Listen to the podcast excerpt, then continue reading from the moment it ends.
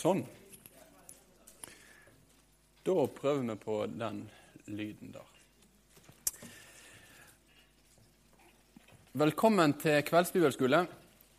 Dette her er et opplegg som vi kommer til å ha nå annenhver onsdag framover i løpet av eh, høsten. Og eh, Vi har tidligere på Fjellheim hatt sånne kveldsbibelskoler. Av og til så har det vært mer sånn frie tema om ulike ting. Men vi har tenkt nå denne høsten at vi skal bruke en del tid på de bøkene i Bibelen som, som jeg kaller for Bibels nedstøverbøker. Og det vil si de bøkene i Bibelen som kanskje ikke er så vanlige å høre forkynnelse om, de bøkene som gjerne ikke er de som en oftest setter seg ned og leser på egen hånd heller. Så nå kommer i kveld vi tar opp Malakis bok. Seinere i høst så kommer Judas brev og andre og tredje Johannes brev. Og noen andre profeter òg til å, å bli tatt opp. Men vi begynner nå med Malakis bok i dag. Og det har vært ingen eh, vanlig tale eller noe sånt, men det har vært mer en slags sånn oversiktsgjennomgang av hva er det denne boka her lærer oss, og hva er det denne boka her kan gjøre lære deg og lære meg om hvem Gud er, og hvordan han er, og hvordan han òg møter sitt folk i denne boka. Men vi skal begynne med å be i lag for tiden først.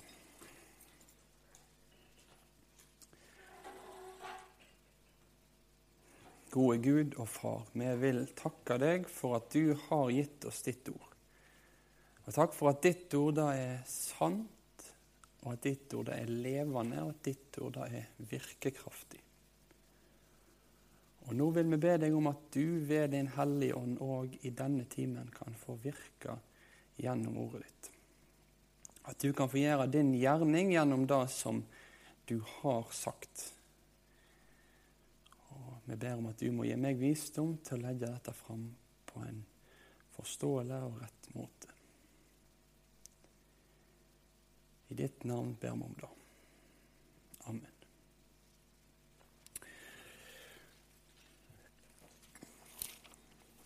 Malakis bok er den siste boka i Det gamle testamentet.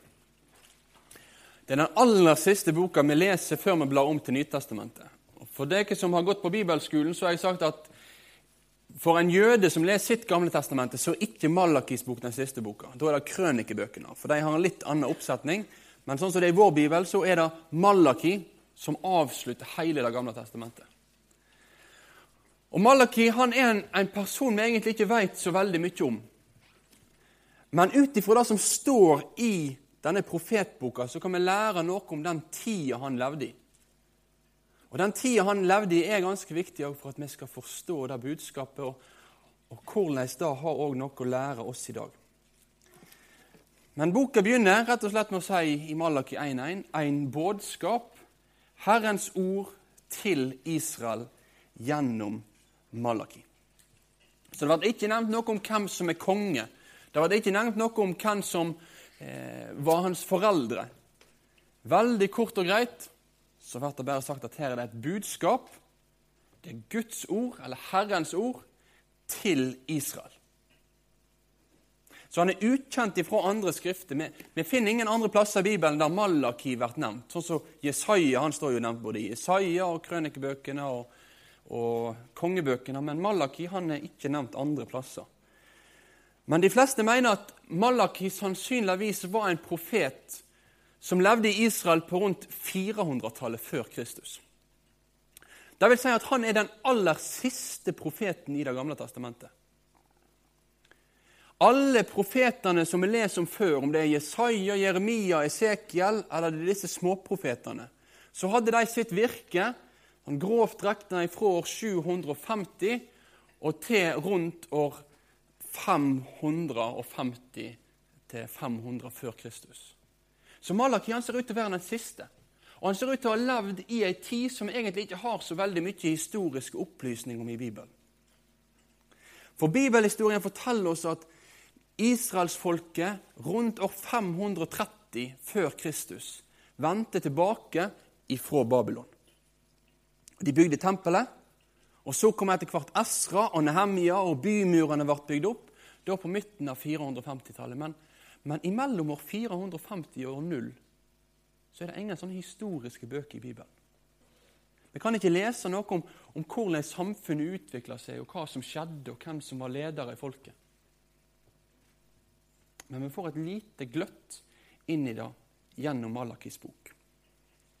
Det har nå gått noen generasjoner siden de kom tilbake, tilbake fra Babylon, og tempelet hadde blitt gjenoppbygd. Og Med tempelet sin gjenoppbyggelse så var det òg en, en, slags åndelig gjenoppbyggelse i Israel. En vekkelse der de på nytt fikk øynene opp for hvem Gud var, og hva han hadde gjort for dem. Og Så var det en ny vekkelse som kom noen generasjoner seinere med, med, Esra og Nehemia, der, der Esra var presten som, som, la ut Guds ord, og folk hørte. Men nå ser det ut til å ha gått noen generasjoner igjen. Og Dette her er et mønster gjennom Gamle testamentet. At igjen og igjen og igjen så er det sånn at det kommer ei vekkelsestid. Og så Etter vekkelsestid så går det ei stund, og så blir det neste generasjon og generasjonen etter det veldig ofte òg mer og mer avsløva. At det som hadde vært så viktig og så dyrt og så kjært for besteforeldrene deres, det var noe som for dem ble litt mer sjølsagt. Og Vi kan bare tenke oss hvordan for, for min besteforeldregenerasjon i Norge hvor kjær de opplever den, den, freden som det var etter andre verdenskrig, når, når Norge på nytt ble et fritt land. Det, det, det var noe de løfta høyt, og noe som, som de hadde opplevde at dette hadde de ikke, men nå hadde de fått det. Men så kan denne, denne fredstanken, den at vi har fred i Norge, da, er sånn at det kan bli mer og mer noe sjølsagt. Og På samme måte kan det òg være med, med, sånne åndelige sannheter. Besteforeldrene, oldeforeldrene, tippoldeforeldrene til disse her, de hadde fått kommet hjem igjen, og de hadde fått sett at tempelet hadde blitt gjenoppbygd. De hadde sett at Gud holdt sine løfter, at etter 70 år, som Jeremia hadde sagt, så skulle de få vende hjem igjen. Men nå hadde nå tempelet stått der i noen generasjoner. Og det ser ut som at de har blitt mer og mer nedsløva. Mer og mer tilfreds med at ja, det er jo sånn det er. Det er jo sånn det alltid har vært. Det er egentlig ikke så stor grunn til å være takknemlig for at Gud vil ha med oss å gjøre. Og så er det sånn at Denne boka da egentlig i stor grad handler om overfladisk gudstru. Ei overfladisk gudstru som både preger presteskapet, og som preger folket. Det er en sånn ytre sett så har de fortsatt med alle disse fine tingene. De fortsetter med ofringene, de fortsetter med det ene og de fortsetter med det andre. Men det som i hjertene til besteforeldrene hadde vært så utrolig viktig, det hadde for dem blitt noe som ja, ja. Det er, jo, det er jo greit, vi kan jo gå i tempelet, men det er ikke så nøye. Og Det er egentlig det som Malaki i stor grad òg setter fingeren på og tar opp. Den her overfladiskheten. Og selve navnet hans, Malaki, det betyr egentlig 'min budbærer'. Min budbærer. Og Som jeg sto i starten av boka, så er dette her Guds budbærer. Her er det en som kommer med et budskap fra Gud til dette folket i denne tida.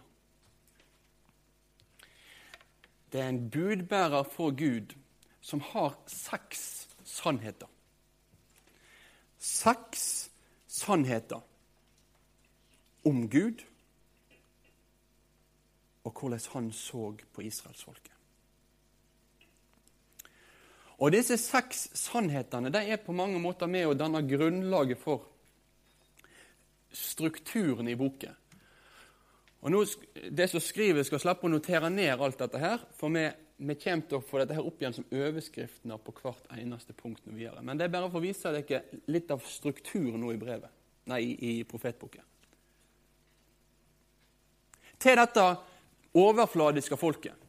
Dette folket som som så på det med gudstro som noe selvsagt, så det er seks sånne her spikere som Gud vil slå inn, som han vil minne dem på. Det begynner med Guds kjærlighet til Israel. Da begynner han. Han vil minne israelsfolket på Guds kjærlighet til dem.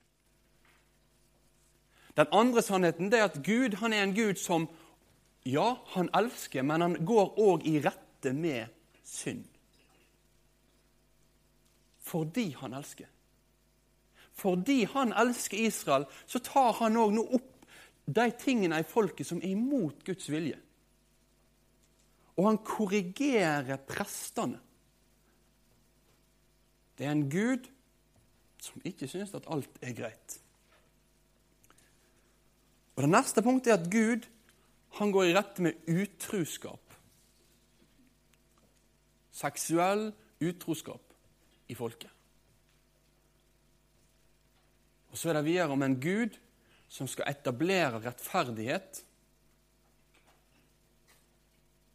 Og så er det en Gud som aldri endrer seg, som alltid er den samme. Og til slutt en Gud som frelser de gudfryktige.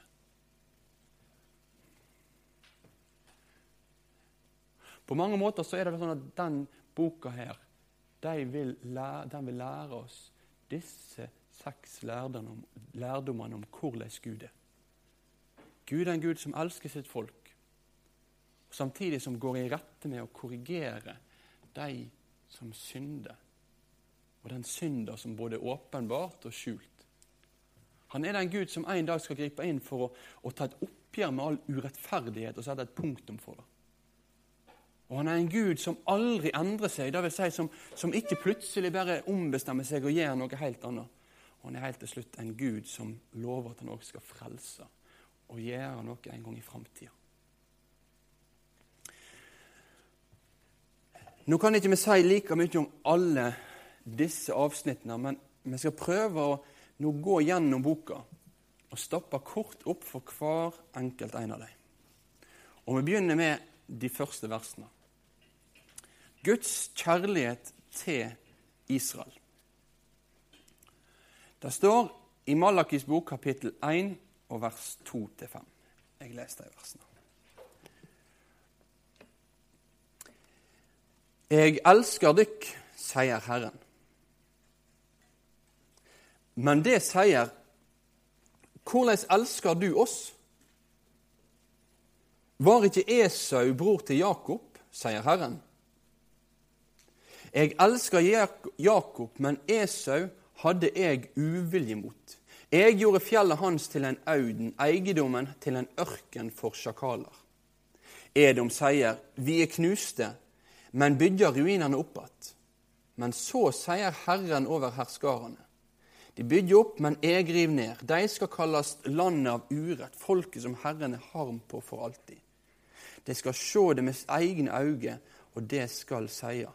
Herren er stor utover alle grenser.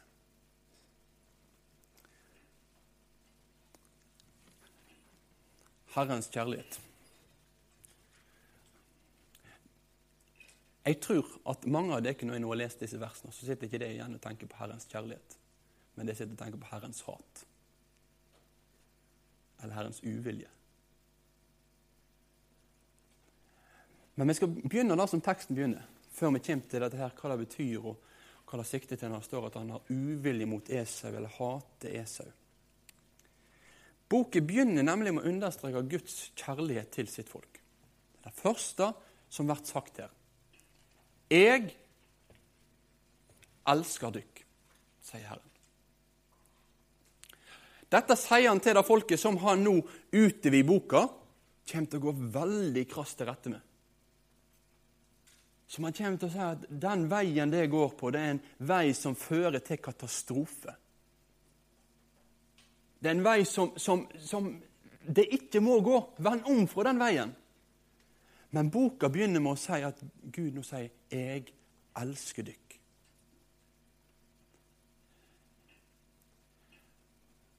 Og Det er òg en påminner til meg og til deg om at den Gud som i Bibelen òg kommer og og pirke i våre liv. Avsløre vår synd.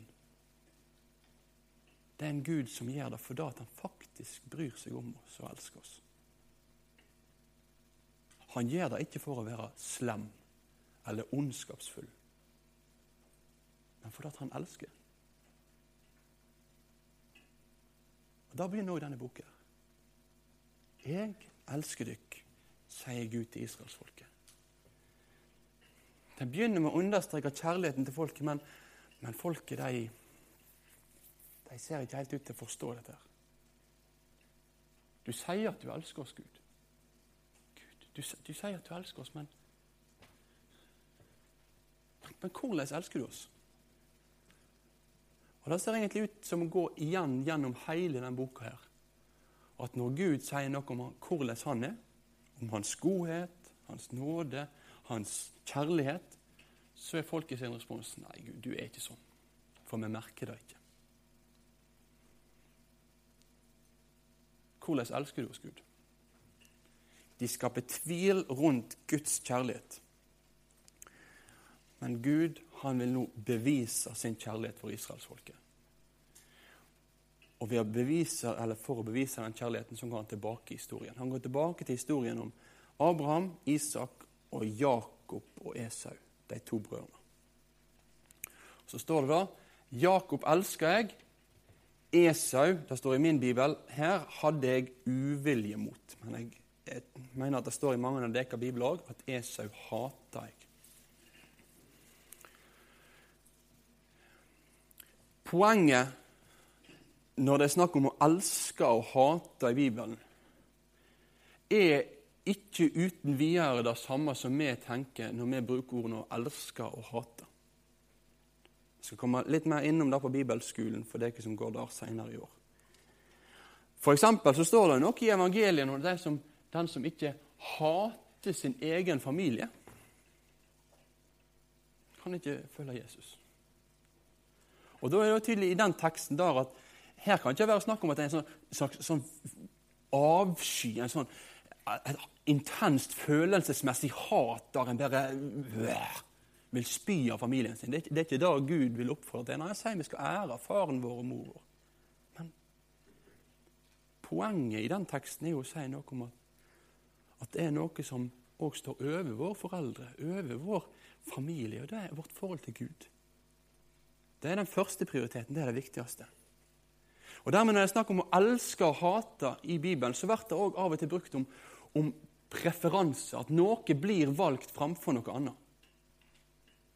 Og Sånn ser det ut til å være med tanke på Esau og Jakob. Med tanke på Esau og Jakob så var det sånn at de var to brødre. De var tvillinger, og Esau var nok den som rent sånn legitimt skulle ha førstefødselsretten og være arvingen til sine foreldre. Men så ble det sånn at det var Jakob i stedet for som kom til å arve det løftet som Gud hadde gitt. Og Da er ikke poenget i historien om Jakob og Esau å si at Gud utvalgte Jakob til å bli frelst og Esau til å gå fortapt. Det er ikke poenget i den historien. Poenget i den historien er å si at Gud bestemte det sånn at det var Jakob som skulle være bæreren av Guds løfte videre. Det var han nå Gud knytta sitt løfte til om at den slekta, etterkommeren dine, i den slekta så skal alle jordens folk bli velsigna. Der skal Messias komme ifra. Og Når da spørsmålet kommer hvordan elsker du oss, Gud, så svarer Gud med å si jeg elsker deg gjennom at det er i din slekt at Frelseren skal komme. Det er i din familie at jeg skal gjøre min gjerning her på jorda. Og det skal ikke gjøre på grunn av at du har så masse å vise til Jakob. Det var ikke pga. at Jakob hadde bygd seg opp en så lang liste med ulike ting at den kunne si jeg har gjort det, jeg har gjort det, jeg har vært så mye flinkere enn Esau, jeg har så masse å vise til, så derfor så skal jeg arve løftet. Nei, Gud gjorde det av nåde. Uten at Jakob hadde noe å vise til. Og Det er det som Gud vil understreke til Israel. at Hans kjærlighet er en kjærlighet som ikke har sin grunn i noe israelsfolket har gjort. Det er ikke noe som har sin grunn i at de har gjort seg fortjent til at Gud elsker dem. Han elsker dem. Punktum. Han elsker dem. Og Da blir poenget for oss å ta med oss videre når vi leser disse versene, at Guds frelse, når Gud utvelger til frelse i Jesus, og vi får komme til tro ved å høre evangeliet gjennom at, at Gud møter oss i dåpen og i nattverden, så, så er det sånn at Guds frelse er noe som blir oss til del pga. vår dyktighet, pga. at vi er flinke. Nei, Guds kjærlighet som får sitt uttrykk i at Han gir oss nåde, det er noe som blir gitt helt gratis. Uten fortjeneste. Da Gud kommer og rekker det til oss. Fordi Jesus har gjort opp for oss.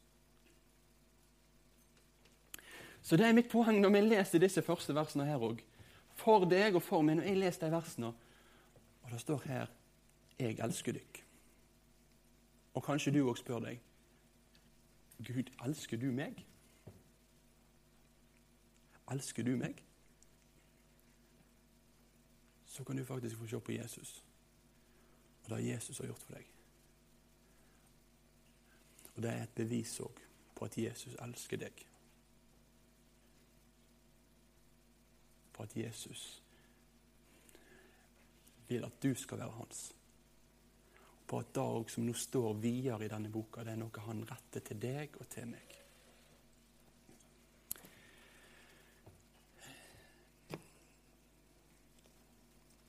Se på Jesus og se en Gud som elsker verden, sånn at han gav sin enbårne sønn for at hver den som tror på han, ikke skal gå fortapt, men ha evig liv.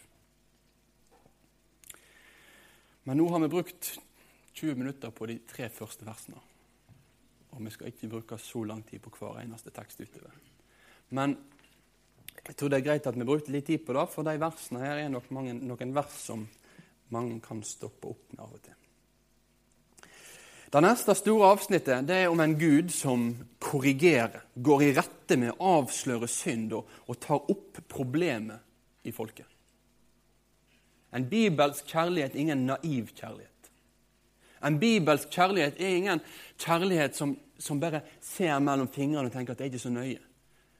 Nei, det, det, er, en, det er en kjærlighet som òg kaller de han elsker, til oppgjør.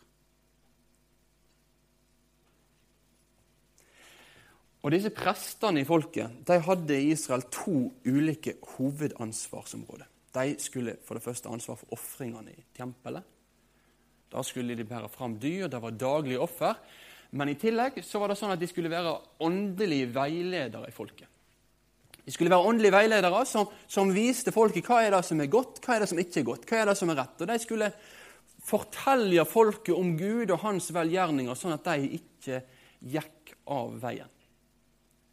To hovedansvarsområder. Og Det som nå disse to kapitlene bruker tid på, det er egentlig å understreke at prestene har svikta på begge disse frontene. På begge de oppgavene som Gud hadde gitt dem, så har de svikta så har de heller valgt å gå andre veier.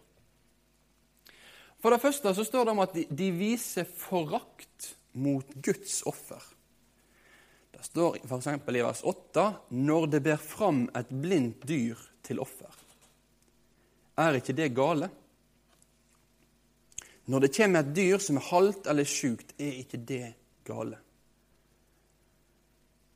Det står rett før i vers 7 at de hadde sagt at Herrens spor kan vi vise forakt. Poenget ser ut til å være at det hadde blitt sånn for prestene at det var ikke så nøye for dem hva type dyr de ofra. I Mosebøkene er det egentlig veldig tydelig spesifisert hva type dyr de skal ofre, og hvordan de dyrene skal være. Og Det står om de dyrene at de skulle være lyteløse, fullkomne for å være de dyrene som skulle sone for synd. Men nå ser det ut som at prestene tenker nei da, da, det er ikke så nøye. Motivasjonen bak det vet vi ikke. Kanskje det var at de heller ville ha dyrene sjøl. de heller ville ha det beste kjøttet sjøl. Kanskje det var da at de tenkte mer sånn praktisk og logisk på det. nei, dette her blinde dyret det har jo ikke vi noe bruk for på, på markene her. så det, da er det mye bedre at vi ofrer det. Mens dette her, dette, dette fullkomne beistet, nei, det må vi ha, for det kommer til å gjøre en sånn kjempeinnsats på gården vår. Så det kan ikke vi ofre til Gud. Uansett hva logikken bak det har vært, så er poenget at de med dette her, de viser faktisk forakt. Ikke bare mot noen sånne ytre forskrifter, men mot det middelet som Gud i Gamle testamentet hadde sagt at kunne sone og gjøre opp for deres synder.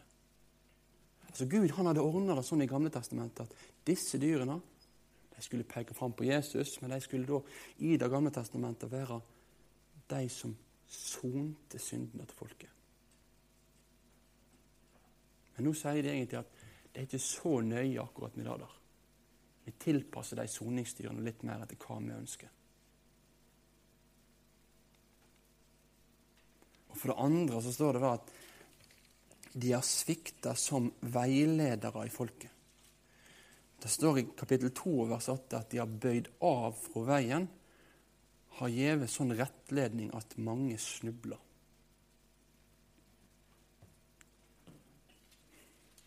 Så på den ene sida så forakta de det som kunne være redningen. At noen tok straffa for folket. Og på andre sida så begynte de å dra folk i en annen retning. Og disse versene her, det er det er mange vers av denne typen i Gamle testamentet, i profetbøkene. Til prestene, til det åndelige lederskapet. Og Det er jo en del tekster i Nytestamentet som snakker om alvoret med å føre menneskevill. Et hyrdeansvar er aldri en menneskerettighet. Men det er faktisk et stort ansvar òg, og et stort kall. Og det er ikke likegyldig når noen drar noen av veien. Disse her måtte stå ansvarlig. og På samme måte er det òg for mennesker i dag som drar Guds barn bort fra Jesus. Så må de faktisk stå ansvarlig for Gud for det en dag.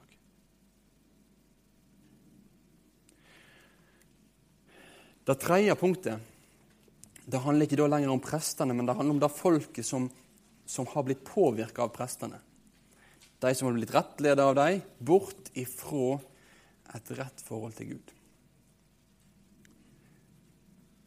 Og I Bibelen så er det sånn at ulike profetbøker kan poengtere og ta opp ulike typer synder.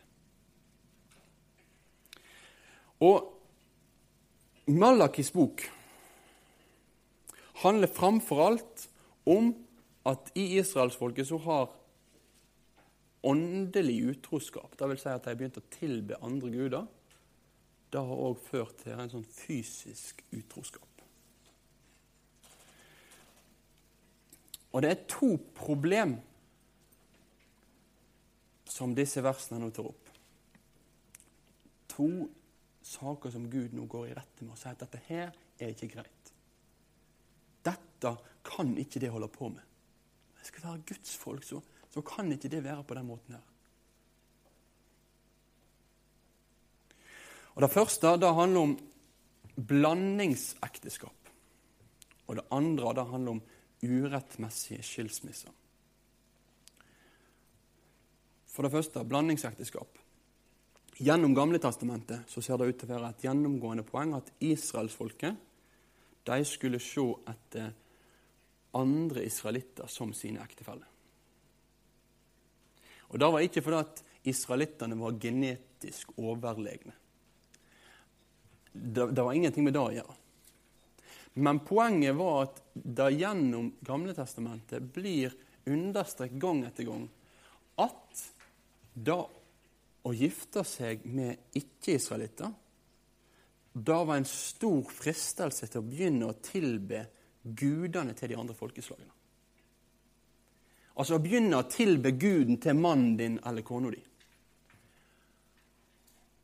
Og dette her var ingen sånne her tomme trusler eller bare sånn meningsløse tanker i Gamle Testamentet. For poenget er at vi ser at israelsfolket gjentatte ganger gjør akkurat dette her. De finner seg kone og mannfolk ifra folkene rundt. Og igjen og igjen så skjer det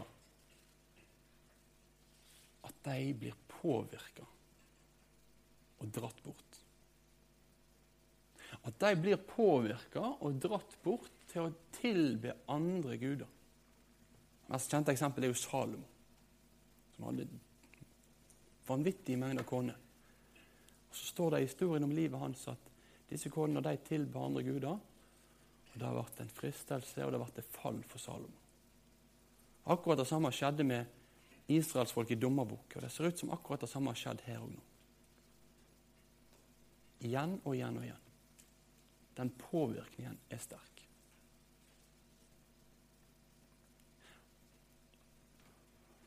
Og Nytestamentet viderefører ikke det her absolutt på samme måte. Nytestamentet forteller f.eks. For en del om hvis det er sånn at en skulle være i et ekteskap der mannen er kristen og kona ikke er kristen, eller motsatt vei at kona er kristen og mannen ikke er kristen, så står det noe i første Korinterbrev, det er vel kapittel 7, om, om hvordan en da skal leve sammen. Men likevel så ligger den grunntanken der òg.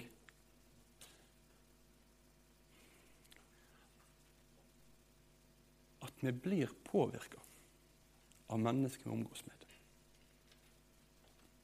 Og Det er en gjennomgående advarsel i Bibelen mot at sånne blandingsekteskap kan dra mennesker bort ifra Jesus.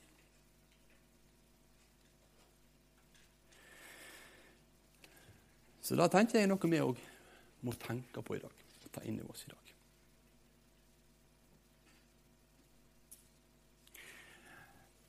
Med det så sier ikke jeg at i enhver situasjon til enhver tid, så langt jeg kan se i Bibelen, så, så kan ikke jeg si at det er et absolutt forbud mot det for oss i den nye pakt.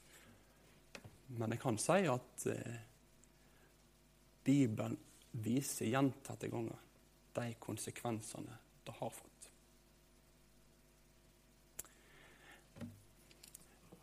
Det andre som han tar opp, det er dette med, med skilsmisse. At Israels folk òg nå så begynner de å, å, skille seg. Og Det ser ut som kanskje at de òg skiller seg pga. at de vil gifte seg med disse hedningekvinnene, altså kvinner av andre slekter. Moseloven forteller noe om skilsmisse på bakgrunn av hor. Men her så ser det ut til å være helt andre typer forhold som ligger bak. At det er uvilje. Jeg vil ikke mer. Det passer ikke lenger. Dette går ikke mer. Og så sier han dette her Det er et problem.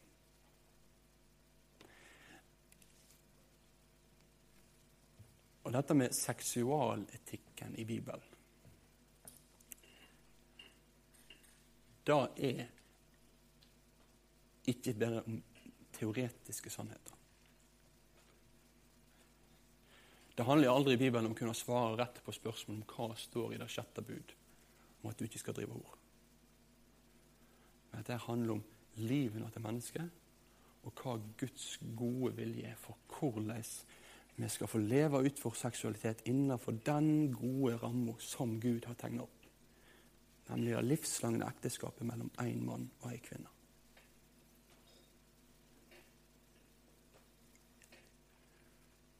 Det er akkurat like relevant i dag som det var den gang. Akkurat like relevant for deg og meg som det var den gang. Og når når lystne kan rive, og når tankene kan rive at jeg tenker at dette er ikke så nøye Jeg vil egentlig ikke høre det. Så vil jeg bare minne deg på Ta med deg den starten på eh, starten på Malakis bok. Der det er en Gud som sier 'Jeg elsker deg'. Og jeg som elsker deg, jeg, jeg vil ikke at du skal gjøre dette. Tenk også på det. Det neste punktet er om en Gud som etablerer rettferdighet. Så nå har han tatt, tatt opp synder i, i presteskapet og i folket og, og, vist at dette her er et alvorlig problem. At, at, det er veldig mye urettferdighet som preger landet og preger folket. Men så går han videre nå til å snakke om hva han skal komme til å gjøre i framtida. Vi skal bare lese de første versene der nå. Der står det Det har trøtte Herren med orda dykkar. Det sier Hva er det vi har trøtta Han med? Med å si at alle som gjør vondt, er gode i Herrens øyne. Ja, at Han har glede av dem. Eller hver er rettens Gud? Sjå, jeg sender min bådbærer, han skal rydde veg for meg. Brått kjem han til sitt tempel, Herren som det søker, og bådbæreren for han som det lengter etter. Sjå, han kjem, sier Herren over herskarene. Igjen, det er trøtta Herren med ordene deres. Israel anklager Gud. De trøtter han, de, de, de, de sliter på han. Så spør de hva er det vi har trøtta deg med. Hva er det vi anklager deg for? Og I korte trekk så går Guds, eller denne anklagen de retter mot Gud, den går ut på at Gud han er urettferdig. At Gud er urettferdig. At han ser ut til å, til å hjelpe de som gjør mye gale, mens israelsfolket bryr han seg ikke om. En ganske sterk anklage mot Gud. At Gud ikke er god. Men Guds svar det er at han nå peker framover. Han peker framover mot hva han skal komme til å gjøre. For Gud er ingen urettferdighetens Gud. Langt ifra. Gud er ingen Gud som godter seg med urettferdighet. Gud er en Gud som en dag skal gripe inn for å sette alt i rette stand. For realiteten var at sannsynligvis så opplever israelsfolket på den tida mye urett. De er under andre styrere som har kontroll over landet. Og Det kan godt være sånn at disse styrerne har påført israelittene mye smerte på ulikt vis. Og de opplevde urett på kroppen. Men så er poenget nå å si at ja, Kanskje uretten råder nå, men en dag så skal alt bli stilt i sin rette stand. En dag så skal det være slutt for Guds folk med å oppleve urett. En dag så skal all synd bli tatt et endelig oppgjør med. Og de som har gjort uretten, må stå ansvarlig. Men før den dagen kommer, så skulle Gud sende en budbærer. Han begynner med å si, 'Se, jeg sender min bådbærer. Han skal rydde veien for meg.' Det står før det står i vers 5 at han kjem til dykk og held dom. Gud skulle sende sin budbærer. Og i slutten av Malakis bok, de siste versene, som er de aller siste versene i Nytestamentet, så blir det fortalt om at Gud han skal sende profeten Elias til israelsfolket, før Herrens dag kommer, den store og skremmende. Han skal vende fedrehjerta til barna og barnehjerta til fedrene, så jeg ikke skal komme og slå landet med bann. Så her er det snakk om en person som skulle komme før Gud satte punktum og holdt dom.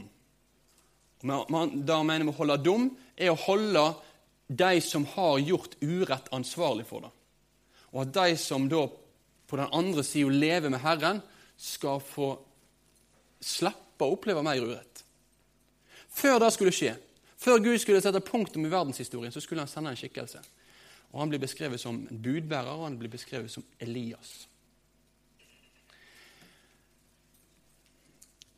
Nytestamentet ser ut til å peke på at denne personen her er døperen Johannes.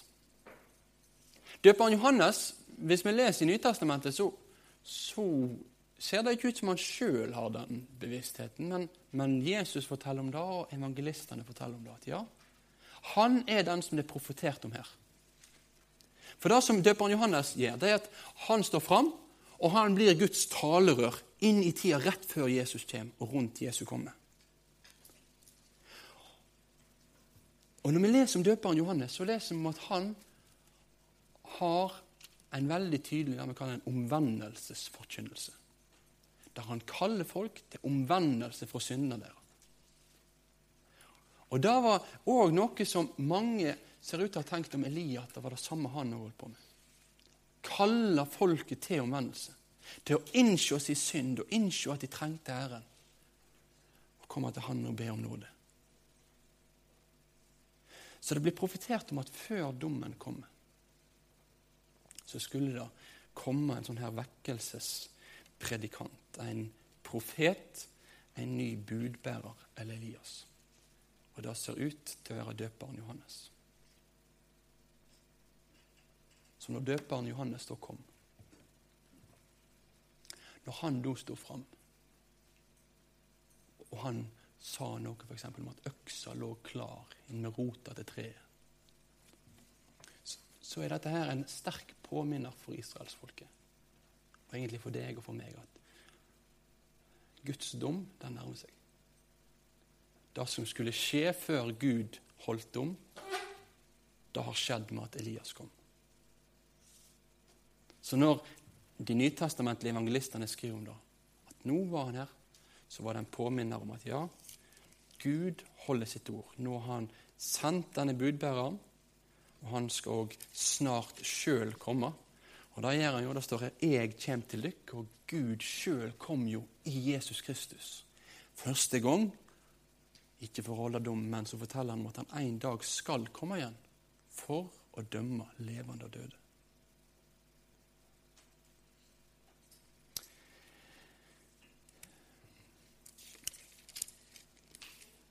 Neste hovedpunkt er om en Gud som aldri endre seg. Jeg skal ikke si så mye om akkurat nå, men veldig kort så kan jeg si at israelsfolket de ser òg ut til å anklage Gud for at han har endra seg. At de er akkurat som de var før. At det er Gud som er problemet, og ikke de. Altså, de, prøver å skylde på at det er du, Gud. Det er du, Gud, som må fikse et eller annet her. Vi har ingenting å ta tak i. Men så sier Gud veldig tydelig i kapittel 3 vers 6 Jeg har ikke forandret meg. Jeg har ikke forandret meg. Han var den samme. Problemet var at israelsfolket hadde forandret seg. At israelsfolket hadde gått bort ifra Gud. Det var de som var problemet. Det var de som måtte få innse at de hadde et problem. Og få vende om for syndene sine. Vend attende til meg, så skal jeg vende meg mot dykk, sier Herren over skarene.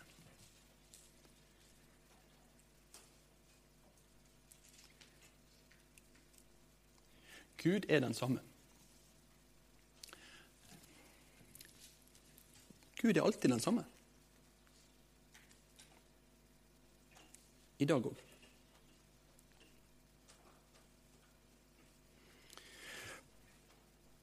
Men poenget er at hvordan vi forholder oss til Gud, det er altavgjørende. Og Malakis bok tegner opp de to forskjellene mellom de som frykter Herren, og de som på den andre sida egentlig ikke bryr seg mye med han, er urettferdig. Gud er Gud. Han er sånn som han er. Og så kaller Bibelen mennesket igjen og igjen til innse sånn er han, og at da være hans fiende. Da er katastrofalt. Men at da å være hans venn, være en gudfryktig, da er godt. Nå skal vi bruke de siste fem minuttene på siste del av Malakis bok. For her blir denne splittelsen i folket tydeliggjort. Først så står det Det taler harde ord mot meg, sier Herren. Og likevel sier det. Hva er det vi har sagt mot deg? Det sier det er nytteløst å tjene Gud. Hva tjener vi på å rette oss etter det Han har fastsatt, og gå sørgende fram for Herren og være skarene? Nå vil vi prise de frekke seler, sjøl om de gjør urett, går det de vel. De setter Gud på prøve og slipper likevel unna. Det er nytteløst å tjene Gud. Så må, de, så må deres innstilling det. Hva kan jeg tjene på dette? Hvordan kan livet mitt i dag bli best mulig? Og Så ser de rundt seg så ser de at nei, det er mange som ikke tilber Gud, som har fine liv. Og Så begynner de å tenke at nei, jeg har ingenting å tjene på da. Jeg har ingenting å tjene på å tjene Gud. Jo, jo, jeg kan jo gjøre det i ytre, men på en måte i mitt indre. At han skal begynne å begrense min moral. At han skal begynne å begrense hva jeg skal, skal prioritere og ikke prioritere. At han skal ha noe å si for hvordan jeg skal bruke pengene mine, hvordan jeg skal leve ut seksualiteten min. Nei, vet du hva, Da da, Gud, da, da vil ikke jeg ha noe med å gjøre. Jeg har ingenting å tjene på da. Jeg vil leve livet mitt sånn som jeg vil.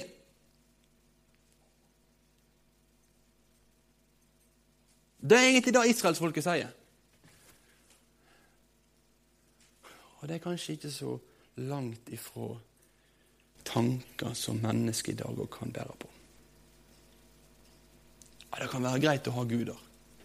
Det kan være greit å, å, å kjenne til Gud. Kanskje ja, ja, jeg er jo døpt eller konfirmert, jeg har jo gått i kirke. ja. Kanskje en òg etter bibelskoleår kan slenge på. Jeg har gått på bibelskole òg. Men han der Gud han skal ikke ha noe å si for hverdagen min. Han skal ikke ha noe å si for hvordan jeg lever livet mitt. Det er det jeg som bestemmer. Og jeg har ingenting å tjene på å høre på Gud og følge Hans bud. Det er ikke godt for meg. Og Hvis du tenker sånn, så skal du bare se at denne teksten her Det er en tekst som viser at israelittene for 2500 år siden tenkte veldig likt. At Gud tar dette opp med dem og går i rette med dem og vil vise dem en annen vei. For nå vil han løfte blikket.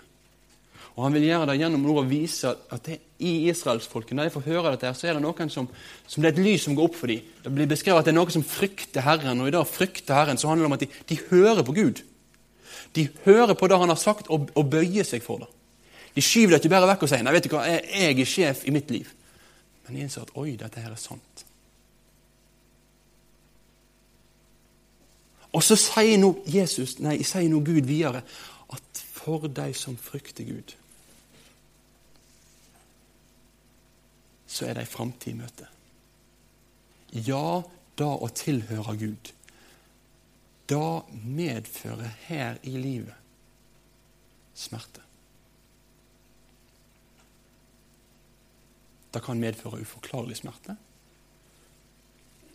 Men Nytestamentet sier jo at hver den som vil leve et gudfryktig liv, skal bli forfulgt.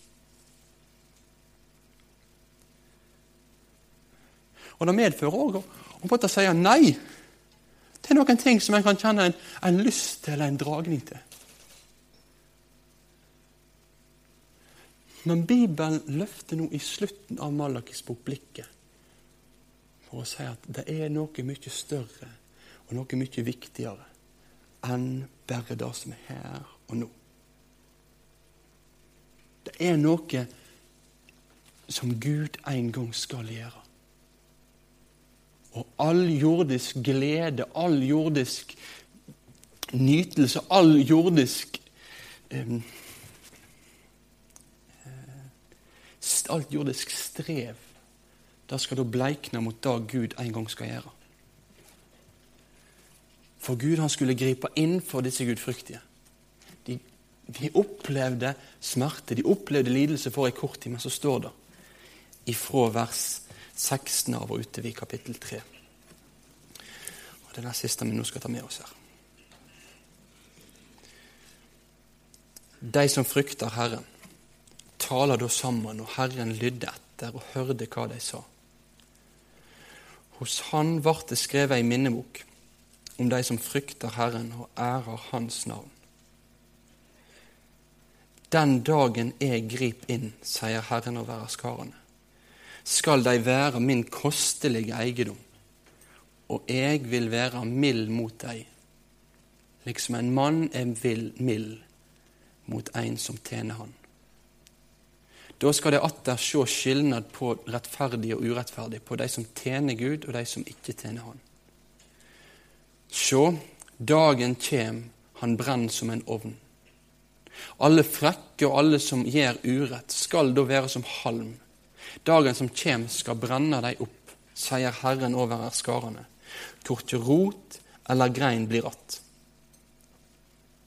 Men for dykk som frykter mitt navn, skal rettferdssola stå opp, med lekedom under vingene sine. De skal slippe ut og hoppe som kalver. Da skal de trakke ned de urettferdige. De skal være støv under føttene deres. Den dagen jeg griper inn, sier Herren over herskarene. Det er en advarsel på ene sida. Advarsel på å være Guds fiende.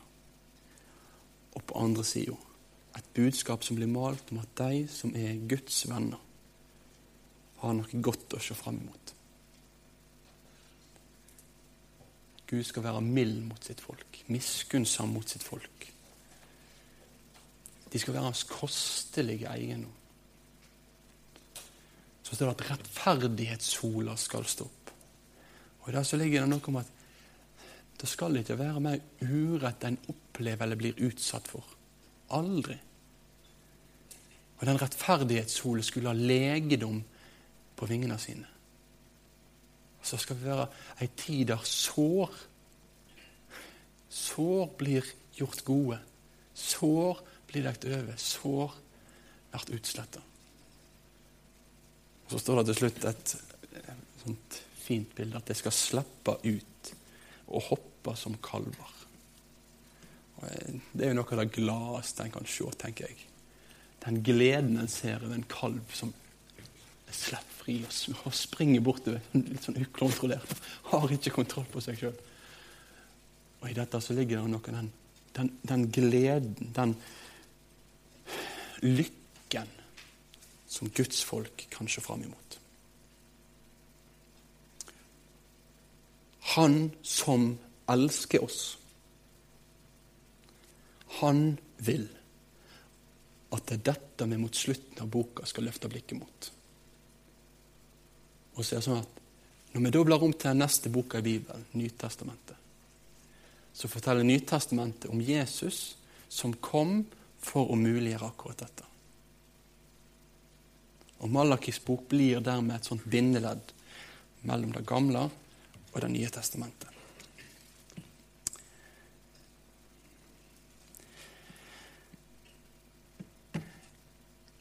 Jeg tror vi gir oss der. Takk for i kveld. Det står litt kaffe ute hvis du vil ha, så det er bedre å forsyne seg med det. Og så blir det mer kveldsbibelskole om noen uker. Takk for nå.